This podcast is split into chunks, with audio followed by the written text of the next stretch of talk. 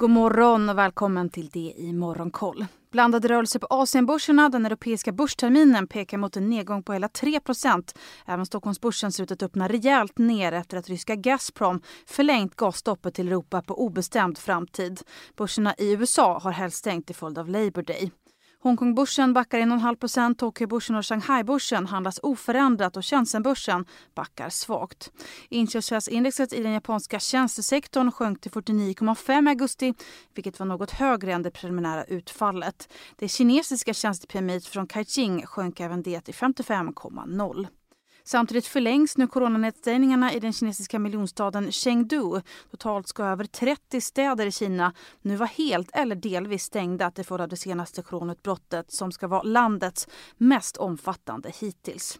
Och fler nedsägningar kan komma. I Shenzhen så har hittills 71 nya fall rapporterats in under måndagen trots att mer än hälften av stans distrikt stängdes ner i förra veckan. Samtidigt som stämningen mellan USA och Kina fortsätter vara spänd så överväger nu Biden-administrationen nya åtgärder som kan komma att begränsa investeringar i kinesiska techbolag. Börserna på Wall Street stängde slutligen neråt i fredags efter att ha inlett dagen med uppgångar efter att den viktiga amerikanska jobbrapporten Non-Form Payroll visat en större ökning än väntat i augusti. Fredagsbiofandet backade 1% och index Nasdaq 1,5% Indexen avslutade därmed också sin tredje minusvecka i rad. De amerikanska långräntorna föll tillbaka. Tvååringen föll över 10 punkter till 3,40 och tioåringen står nu i 3,20% Annars är det fullt fokus på gaspriserna som väntas stiga idag när marknaden öppnar efter att ryska gasjätten Gazprom i fredags meddelade att gasleveranserna CSRD. Ännu en förkortning som väcker känslor hos företagare. Men lugn, våra rådgivare här på PWC har koll på det som din verksamhet berörs av. Från hållbarhetslösningar och nya regelverk till affärsutveckling och ansvarsfulla AI-strategier. Välkommen till PWC till Europa via Nord Stream 1 kommer ligga nere på obestämd tid på grund av ett upptäckt läckage. EU har kallat till ett extrainsatt möte på fredag med anledning av energikrisen och i helgen presenterade bland annat Tyskland ett stödpaket på 65 miljarder euro för att mildra effekterna för hushållen. Idag ska också riksdagen formellt fatta beslut om regeringens föreslagna räddningspaket till elproducenter som presenterades på en presskonferens med Riksbanken och Finansinspektionen i helgen. Stödet innefattar kreditgarantier på som mest 250 miljarder miljarder kronor som ska kunna användas för att säkra likviditeten hos svenska och utländska energibolag på Nasdaqs clearingbörs. Vi noterar samtidigt att oljepriset stiger drygt 2% idag inför OPEC plus-möte.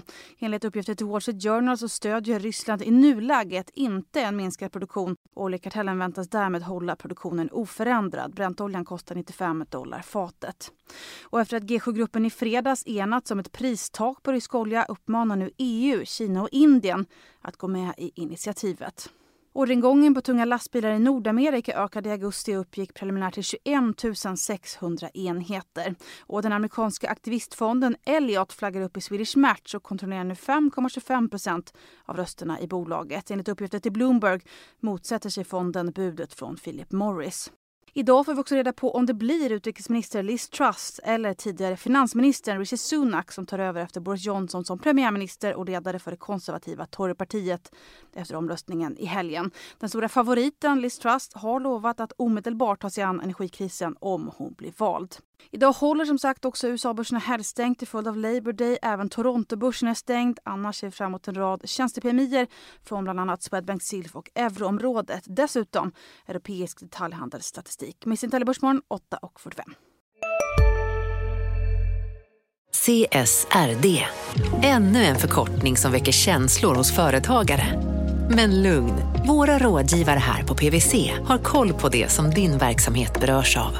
Från hållbarhetslösningar och nya regelverk till affärsutveckling och ansvarsfulla AI-strategier. Välkommen till PWC. Hej, Synoptik här.